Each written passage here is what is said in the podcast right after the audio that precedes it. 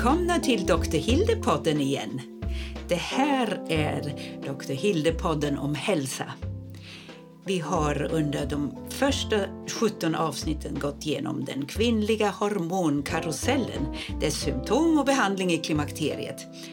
Sedan har vi utvidgat oss och behandlat hälsofrågor i ett större perspektiv. De senaste två avsnitten var verkligen en utflykt till vårt biologiska ursprung och vart vi som individer är på väg i vår utveckling. Då hade jag Dr. Johan Löfqvist med som expert. Och idag är han vid min sida igen för att fylla två nya poddavsnitt tillsammans. Välkommen Johan! Tack så mycket! Ja, det var verkligen en utflykt bakåt in i vårt ursprung och in i framtiden. Våra två senaste avsnitt vi hade. Ja, verkligen. Eh, människans utveckling har dock medfört mer och mer stress. Det är inte bara könshormoner som sviktar och kan ge besvär.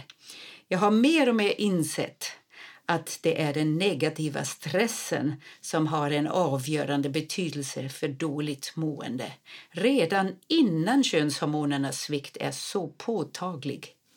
De överlappar varandra i klimakteriet och kan förstärka besvären. Därför vill jag nu prata om både köns och stresshormonernas betydelse i olika livsskeden och situationer. Vad säger du om det, Johan? Ja, visst, det finns många faktorer som bidrar till ökad stress. Vi lever allt mer tätt och blir allt fler och vi eh, upplever en nedbrytning av eh, den natur som vi är beroende av och vi, har, vi utsätts för många miljögifter och det kan vara deletärt. Och vi har också ett ändrat klimat. All, och sen har vi framförallt en enorm informationsflöde som når oss där vi måste sortera på olika sätt.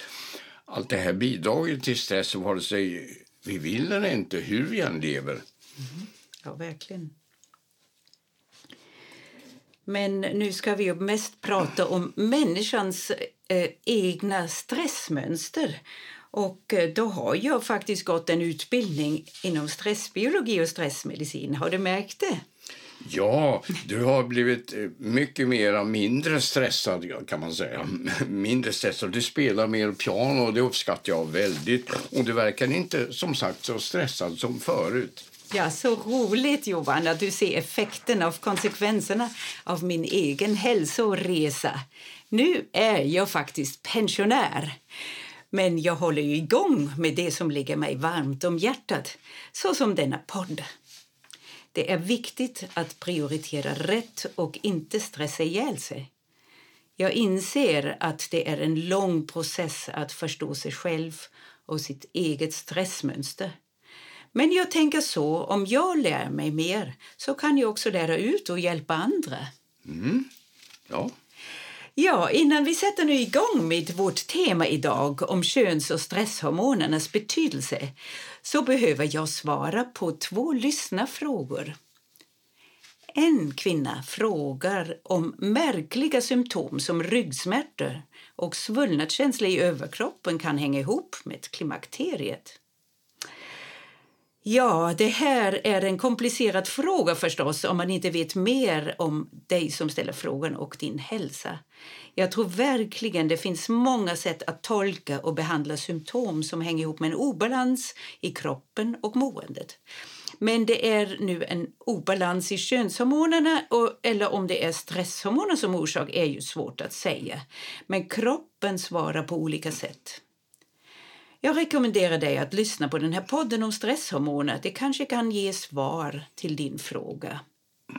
Och en annan lyssnarfråga handlar om växtpreparat mot klimakteriebesvär istället för hormoner på recept. Ja, det kunde ju egentligen vara ett helt poddavsnitt. Men jag vill tills vidare svara dig så här. Jag vet att mina kollegor i Tyskland vanligtvis börjar behandla klimakteriebesvär med växtbaserade och traditionellt använda pollen, klöver, sojapreparat och liknande. Det är säkert en klok idé i ett tidigt skede. Jag har själv inte befattat mig så mycket med dessa alternativ till bioidentiska hormoner. Som gynekolog har jag mest sett mer uttalade hormonrelaterade besvär som behövde behandlas med hormoner. Klimakteriet kan börja tidigt med konstiga besvär. Om du ska prova hälsokostpreparat då ska det vara i tidigt skede i klimakteriet. Men är dessa besvärliga symptom tecken på äggstockshormonernas svikt eller är det stress?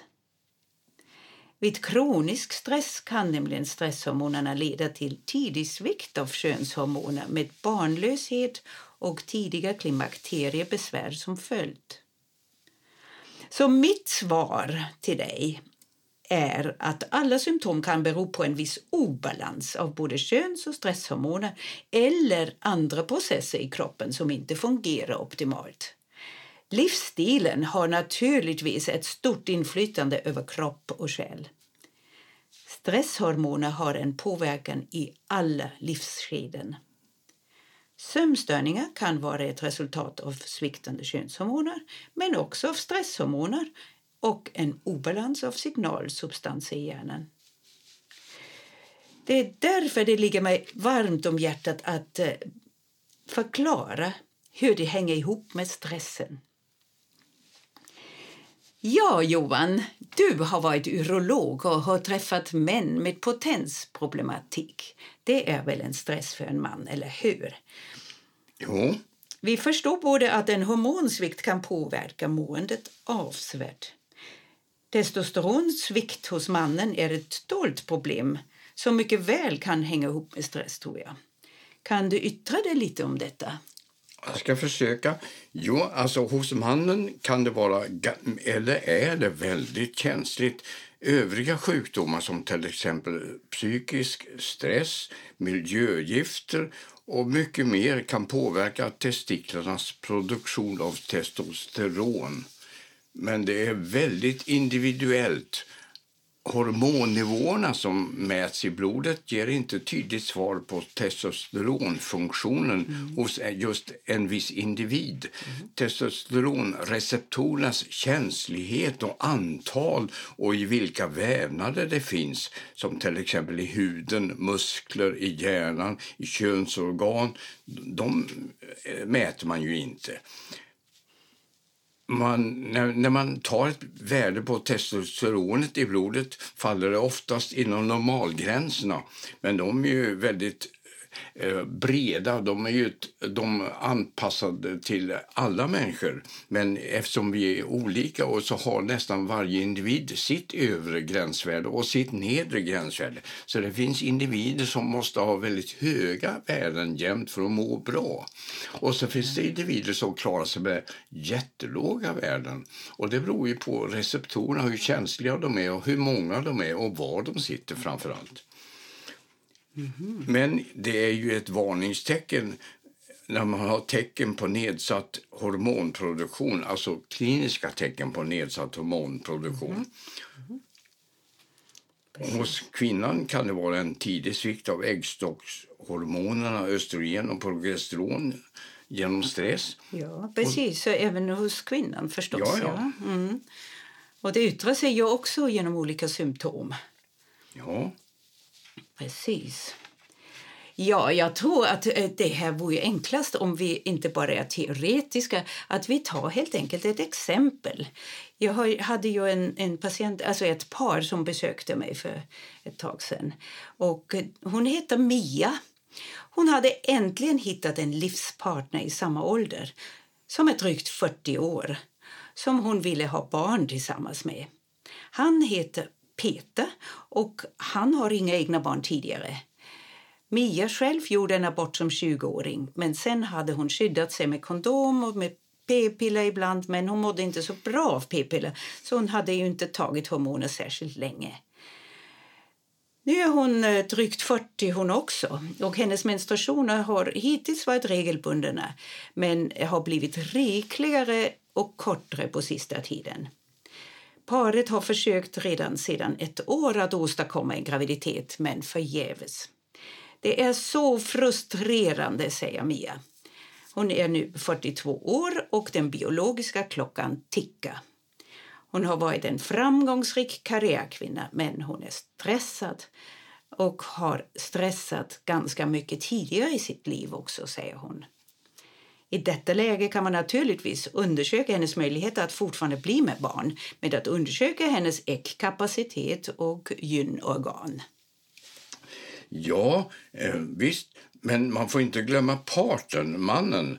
Stressen finns ju också hos honom och rent generellt så är det faktiskt så att spermiekvaliteten i Europa har minskat de senaste decennierna.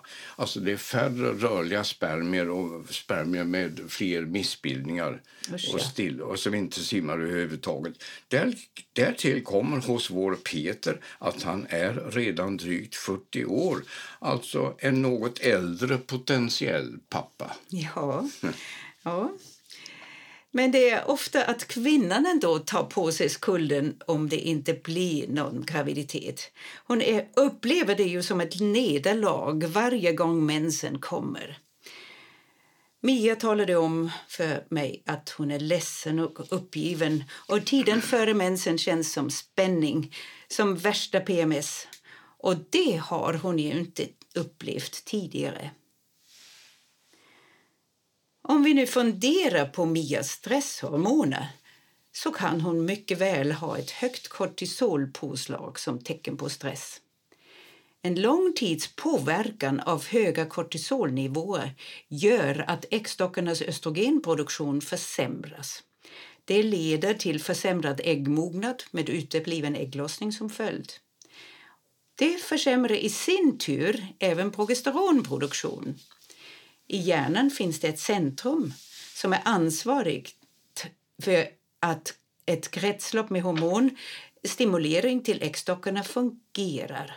Det är den så kallade hypotalamus som producerar gonadotropiner som i sin tur stimulerar hypofysen alltså nästa station med en produktion av hormoner som måste påverka äggstockarnas celler till äggmognad och hormonproduktion.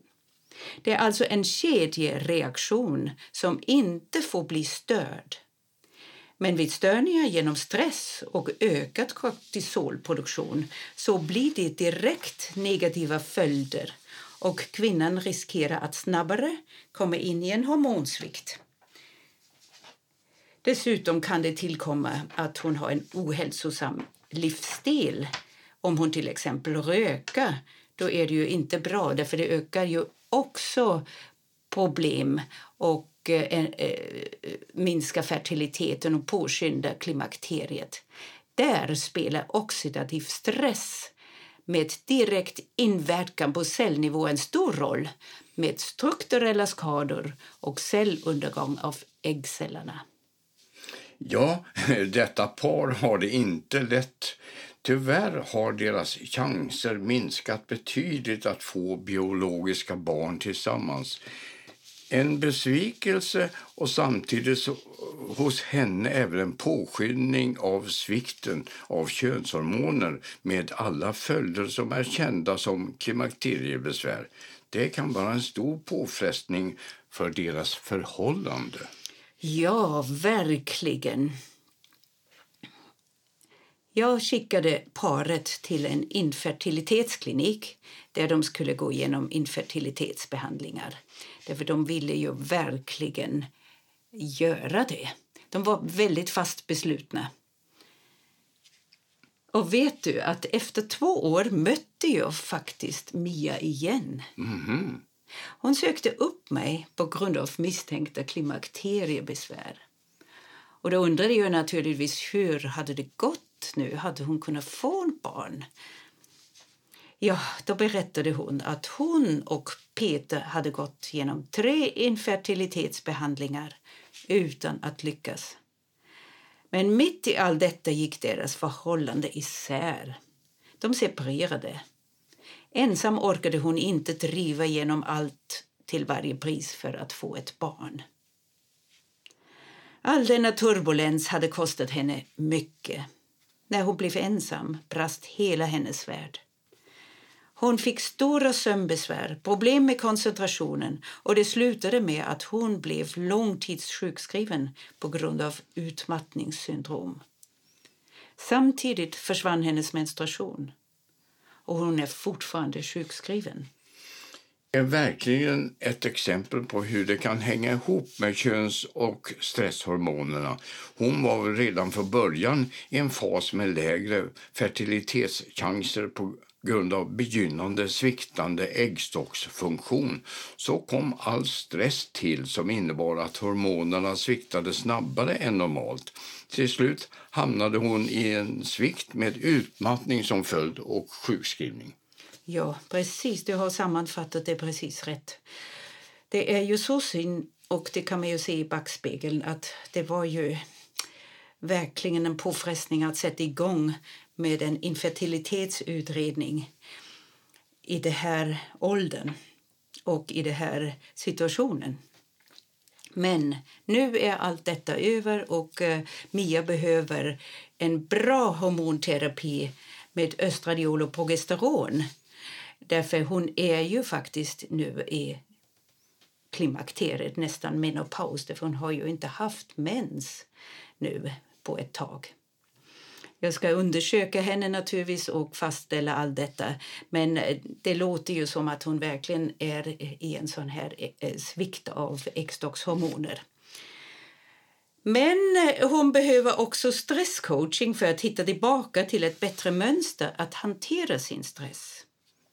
Hittills hade hon haft höga krav och orkat mycket utan att tänka efter vilka behov hon egentligen hade.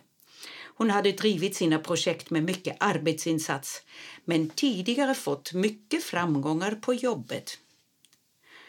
Men hon hade inte lyckats att få ett eget barn och en familj. Nu ser hon att hon tidigare inte hade lyssnat på sina egna önskningar och behov. Hon hade haft svårt att säga nej och har alltid varit en duktig yrkeskvinna man kunde lita på. Nu har hon insett och ångrar att hon inte tidigare hade prioriterat sig själv mera. Det finns mycket hon behöver bearbeta. Mm. Ja, alltså det är kanske dags att avrunda detta avsnitt med detta exempel på eh, svikt av äggstockshormoner i kombination med stress. I den andra delen av podden, eller bättre sagt i nästa podd, nummer 29 eh, om kvinnans hormonkarusell, då ska vi alltså koncentrera oss på den vanliga orsaken till mångas problem, nämligen kronisk stress. Vi ska fråga oss, vad är egentligen stress? Vilken effekt har stress på kroppen och psyket? Vilka är stresshormoner? Och hur kan vi mäta och behandla stress? Johan, du kommer att vara med nästa gång också. Välkommen åter. Och tack för idag Johan och tack alla lyssnare för att ni har lyssnat på oss och välkomna åter om några veckor till podd nummer 29.